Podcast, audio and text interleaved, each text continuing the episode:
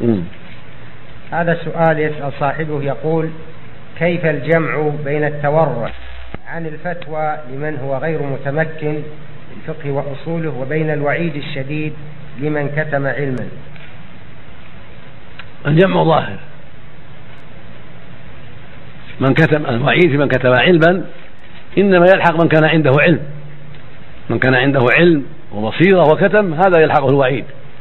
وليس له التورع. في هذا. هذا التورع ليس ليس بتورع. هذا غلط. هذا كتمان العلم.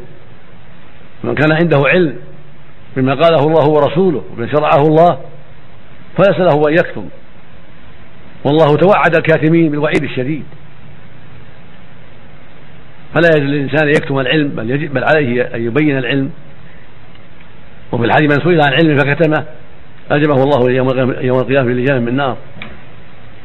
فالمقصود أن العالم في أي مسألة علما شرعيا من كلام الله أو كلام الرسول صلى الله عليه وسلم ليس له الكتمان ويحرم عليه ذلك.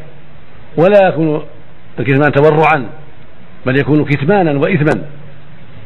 أما التورع في من لا يعلم ويخاف أنه لا يصيب هذا واجب عليه التورع حتى يعلم. التورع في محله إذا كان لا يعلم وهذا واجب عليه وحق عليه يتورع. ولا يقدم إلا على بصيرة.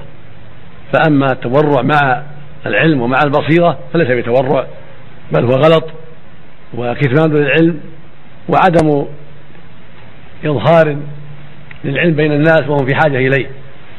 والواجب إظهار العلم ونشره بين الناس. والله المستعان.